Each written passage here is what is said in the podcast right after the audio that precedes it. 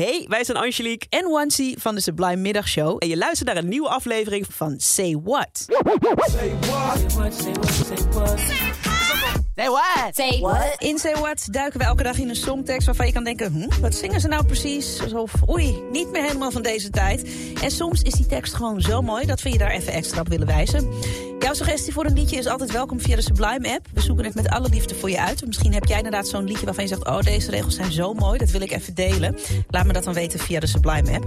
Vandaag in Say What een nummer over sekswerkers. Ik zat altijd vrolijk dit mee te zingen.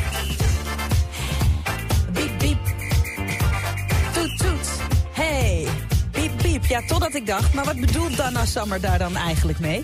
Het nummer heet Bad Girls, maar toet, toet en eh, biep, biep... dat leek me het geluid van een klakson. En dat had ik goed begrepen. Het bootst een auto na die probeert de aandacht te trekken... van een sekswerker op Sunset Boulevard... En daar zat Donna's platenmaatschappij. S'avonds was het een plek waar heel veel dames klanten probeerden op te pikken.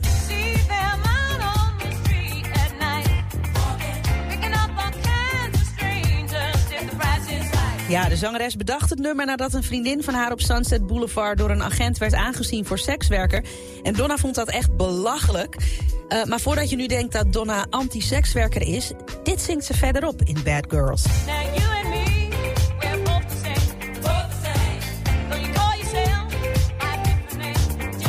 Donna zei eh, dat ze vond dat ze niet mocht oordelen over dames die hun geld verdienen met betaalde seks. Ze zei, we zijn allemaal hetzelfde. Of zij er nou voor betaald wordt of dat ik het gratis weggeef.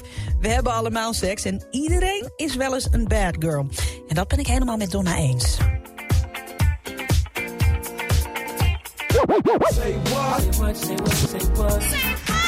Say what? Say what? Wil je meer van dit? Luister dan ook eens naar onze vorige afleveringen van Say What. En check eens de hitstory van Jabrine van de Sublime Ochtendshow. In je favoriete podcast app.